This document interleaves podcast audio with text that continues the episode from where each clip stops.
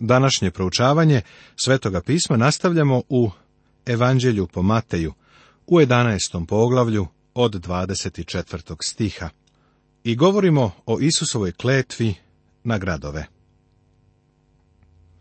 Ali vam kažem da će Sodomskoj zemlji biti lakše na dan suda nego tebi. Ovo je najstroži način izražavanja. Seti se da dolazi iz usta nežnog i ljubaznog Isusa on ovde govori kao car i kao sudija. Ovaj snažan i strog jezik treba da nas izazove da sednemo i slušamo. Radije bih bio hotentot u tami džungle, koji nije čuo jevanđelje, nego službenik u nekoj od naših savremenih crkava koja ima Bibliju, ali koji nikada nije prihvatio Hrista kao spasitelja. Iako su Sodom i Gomora bila užasna mesta, na dan suda će biti lakše njima nego gradovima, koji su evanđelje Hristovo čuli, pa ga onda odbacili. U ono vreme odgovori Isus i reče, Hvalim te, oče, gospode neba i zemlje, što si sakrio ovo od učenih i pametnih, a otkrio bezazlenima. Da, oče, jer tako bi ugodno pred tobom izraz gospode neba, te vraća na prvu knjigu Mojsijevu, 14. poglavlje, svetoga pisma Starog Zaveta, gde se gospod naziva tim imenom. On je gospod neba i zemlje. Mnogi mudri ljudi nikada ne nauče ovu istinu, ali je mnoge bebe znaju. Doktor Ironside je pre mnogo godina rekao, kolače uvek stavlje na donju policu, da bi deca mogli da ih dohvate. Ako propovedaš tako da deca razumeju ono što govoriš, možeš biti skoro siguran da će i drugi ljudi razumeti. Ali ponekad deca shvate, a odraslima poruka promakne. Sve mi je predao moj otac, i niko ne poznaje sina do otac, niti oca ko poznaje do sin i kome hoće da otkrije. Ovo je drugi način da se kaže niko ne dolazi k ocu sem kroz mene.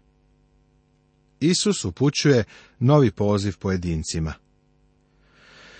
Ovi stihovi nas dovode do definitivnog preloma i promene u gospodnjoj poruci. Sve do ovog momenta gospod je poučavao. Pokajte se, jer se približilo carstvo nebesko. Predstavio je dokaze svoga povereništva i odbacili su ga kao mesiju. Ovi spomenuti gradovi kao i Jerusalim okrenuli su mu leđa. Gospod sada okreće leđa Izraelu i više im ne govori o carstvu. Na putu je do krsta, a njegov poziv je upućen pojedincima. Slušaj šta kaže. Dođite k meni, svi koji ste umorni i opterećeni, i ja ću vas odmoriti.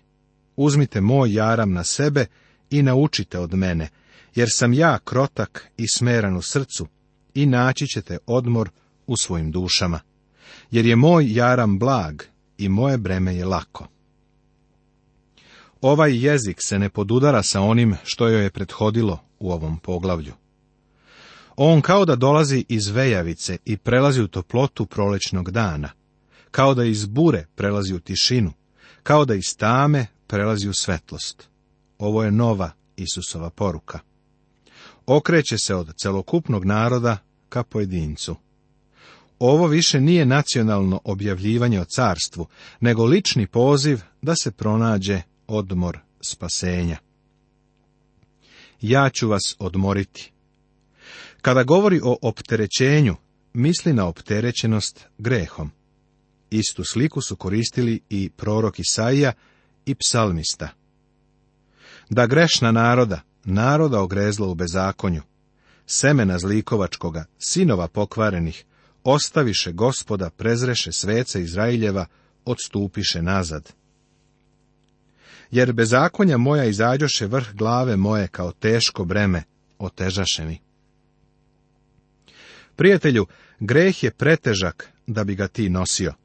Stvarno ćeš dobiti kilu ako budeš pokušavao da sam nosiš teret greha. Jedino mesto na svetu gde možeš ostaviti svoj teret jeste Hristov krst.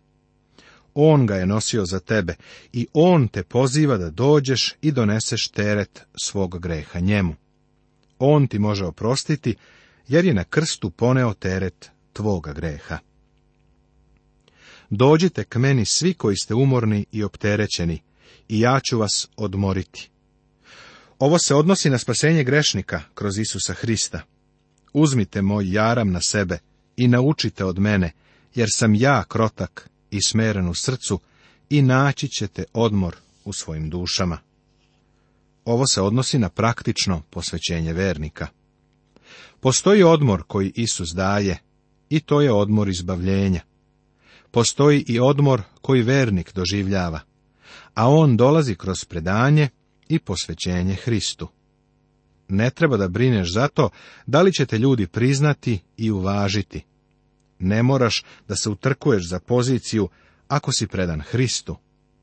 Iskreno da kažem, ja sam prestao da se priključujem organizacijama jer sam umoran od toga da gledam ambiciozne ljude koji se trude da postanu predsedavajući u nečemu ili predsjednici nečega. Ako si predan Hristu, o ovome ne moraš da brineš. Kada uzmeš njegov jaram, on će te postaviti upravo tamo gde želi da budeš. Poglavlje 12. Tema Konflikt i konačni Isusov raskid sa religioznim vođama Dozvoli mi da tvoju pažnju ponovo privučem na razvoj događaja u Matejevom evanđelju. Ako ovo propustiš, izmakla ti je poruka koja se tu sadrži. Mataj ne pokušava da predstavi Isusovu biografiju niti da događaje zabeleži hronološkim redom. On Hrista predstavlja kao cara. On je bio rođen kao car.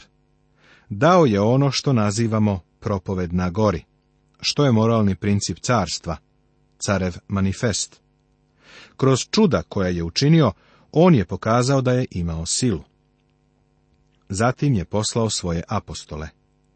Reakcija je bila odbacivanje. I onda je car proglasio sud nad gradovima.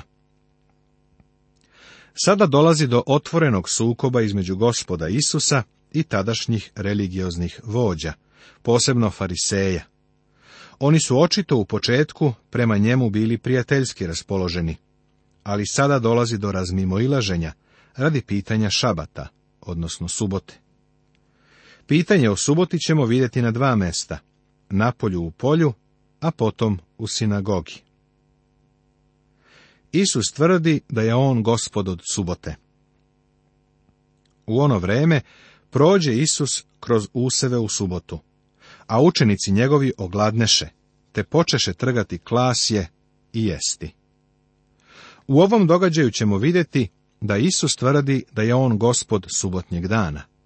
Ali pre nego što se upustimo u raspravu o suboti, koja još uvek besni uzgled budi rečeno, pogledajmo razlog zašto su učenici kidali i jeli klasje. Zašto su to radili? Bili su gladni. Zašto su ogladneli? Sledili su Isusa. Seti se da je on rekao mladiću koji je želeo da ga sledi. Lisice imaju jame i ptice nebeske gnezda, a sin čoveči nema gde da osloni glavu. Ovo smo čitali u osmom poglavlju. 20. stih. U to vreme oni su bili, dakle, gladni.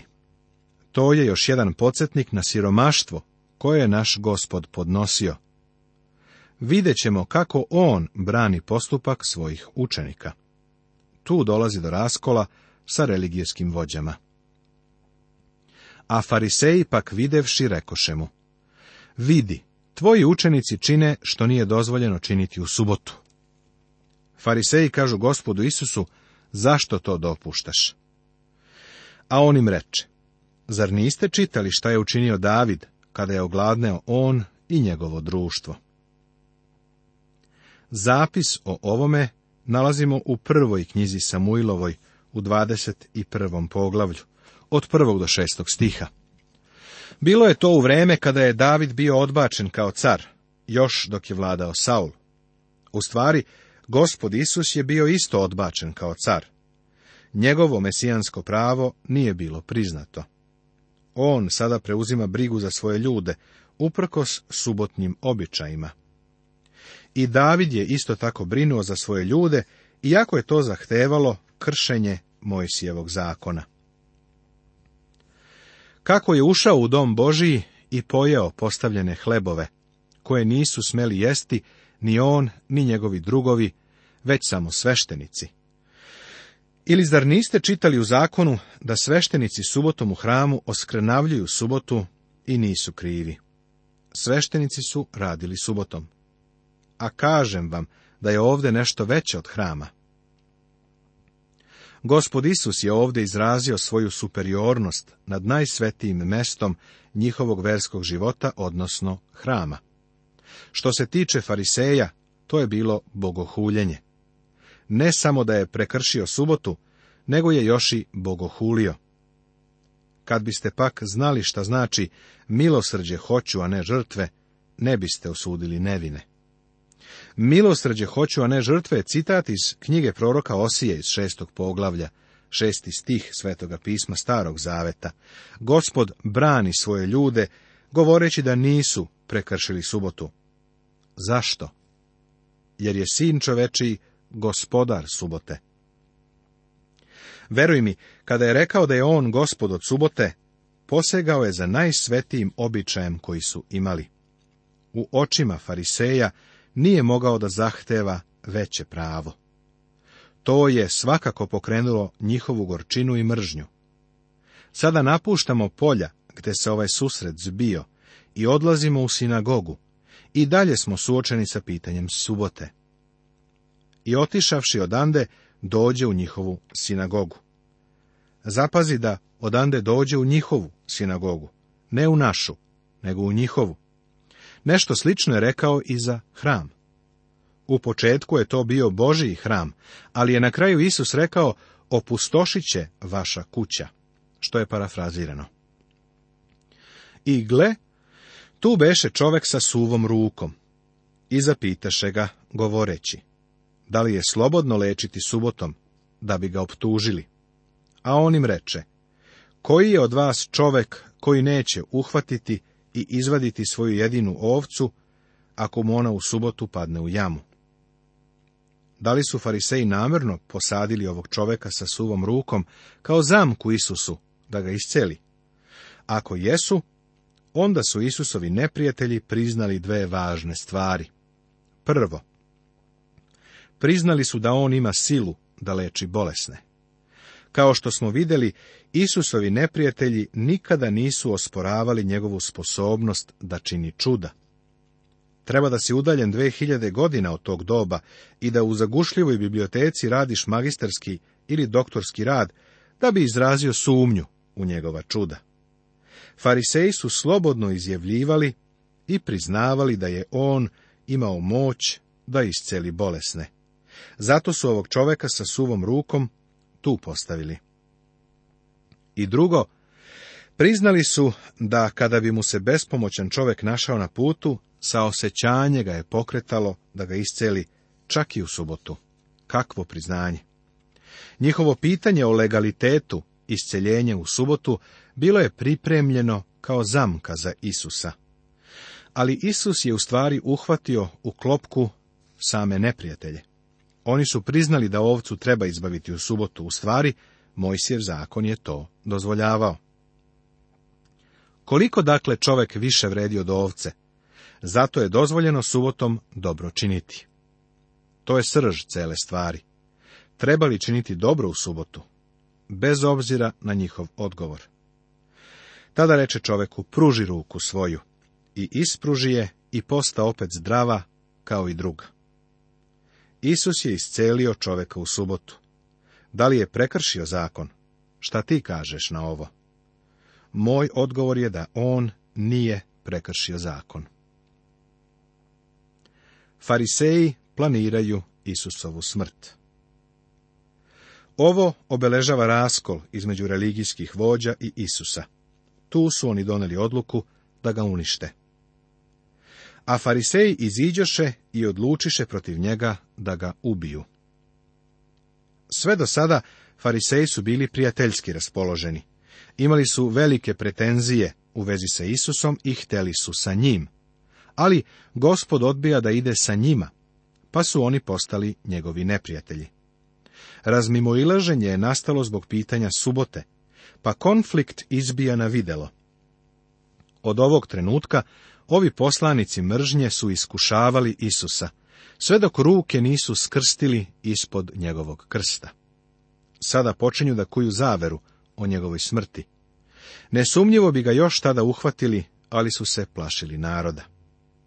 Ali Isus dozna to, te se ukloni odande, i mnogi pođoše za njim i izleči ih sve. Postupak fariseja pokrenuo je Isusa da se povuče, jer njegov čas još nije bio došao. Oni ga neće dirati, sve do određenog vremena. Zanimljivo je zapaziti u ovom stihu da Isus nije iscelio samo nekoliko njih iz mnoštva, iscelio ih je sve. Ne možemo čak ni zamisliti utisak koji je to ostavilo toga dana. Bilo je to nešto apsolutno zaprepašćujuće. Morali su da ga prihvate ili odbace. On je i danas kontroverzna ličnost. Neprijatelji ga i dalje jure. Prljavi komadi i knjige bogohule. Možeš biti njegov prijatelj ili neprijatelj. On će biti ili tvoj spasitelj ili sudija. Ne možeš se otarasiti Isusa Hrista. Iscelio je tako mnoštvo naroda i opomenu ih da ga ne razglase. Gospod nije došao na ovu zemlju kao čudotvorac. Došao je da iznese prava koja ima kao Mesija. Kada su ga odbacili, on je nastavio svojim putem ka krstu, da bi postao spasitelj sveta. Njegova čuda su bila razlog što su ljudi navaljivali na njega, pa on svoju službu nije mogao da sprovodi kako je želeo. Da se ispuni što je rekao prorok Isaija. Gle, sluga moj koga sam izabrao, ljubimac moj koji je po volji moje duše. Stavit ću duh svoj na njega i on će javiti pravdu narodima. Neće se prepirati, niti vikati, niti će ko čuti glasa njegova po ulicama. Trske stučene neće prelomiti i stenjka koji tinja neće ugasiti, dok ne dovede pravdu do pobede. Trske stučene neće prelomiti. Ne, umjesto toga on će povezivati trsku, koja mu to dozvoli. Stenjka koja tinja neće ugasiti. Ne, ako i on i dalje nastavi da ga odbacuje, stenjak koji tinja će buknuti u oganj suda. Gospod ga neće ugasiti jer čovek ima slobodnu volju. I narodi će se uzdati u njegovo ime. U naše vreme, prijatelju, definitivno se krećemo ne samo ka ispunjenju opšteg proroštva, nego i ka ispunjenju proroštva u vezi sa neznabošcima. Oni treba da dožive spasenje. Hrista je odbacio njegov narod i to je dovelo do toga da su neznabošci dobili darežljivu ponudu. U delima apostolskim čitamo da je on apostola Pavla naimenovao da bude misionar neznabošcima. Da im otvoriš oči, da se obrate od tame ka svetlosti i od satanske vlasti k Bogu, da verujući u mene prime oproštaj grehova i deo među onima koji su osvećeni. Ovo je zapisano u delima apostolskim u 26. poglavlju, u 18. stihu Svetoga pisma Novog Zaveta. Neoprostivi greh Tada mu donesoše besomučnoga, koji je bio slep i nem, i izleči ga, tako da je nemi govorio i gledao. A sav se narod divio i govorio, nije li ovo sin Davidov? Drugim rečima, ovo je naš Mesija, on ima dokaze o povereništvu. Ovo je bilo izvanredno čudo koje je on učinio, baš kao i podizanje iz mrtvih, ako ne i veće. Činjenica da je Isus i dalje isciljivao ljude i isterivao demone, ubedila je narod da on jeste bio Davidov sin, Mesija. Ali šta su fariseji rekli? A fariseji čuvši rekoše, Ovaj izgoni demone samo pomoću Velzevula, demonskog vladara. Ovo je pitanje neoprostivog greha, prati ovo vrlo pažljivo. A on je znao njihove misli, te im reče, svako carstvo koje se razdelilo protiv samoga sebe opusteće, i svaki grad ili dom koji se razdelio protiv samoga sebe neće se održati. Iako satana satanu isteruje, razdelio se protiv samoga sebe, kako će se dakle održati njegovo carstvo? Iako ja pomoću Velzevula izgonim demone, čijom pomoću izgone vaši sinovi? Zato će vam oni biti sudije. Oni nikada ne bi rekli da njihovi ljudi isteruju demone pomoću Velzevula. Ali ako ja, Božijim duhom, izgonim demone, onda je došlo do vas carstvo Božije. Sutra nastavljamo dalje.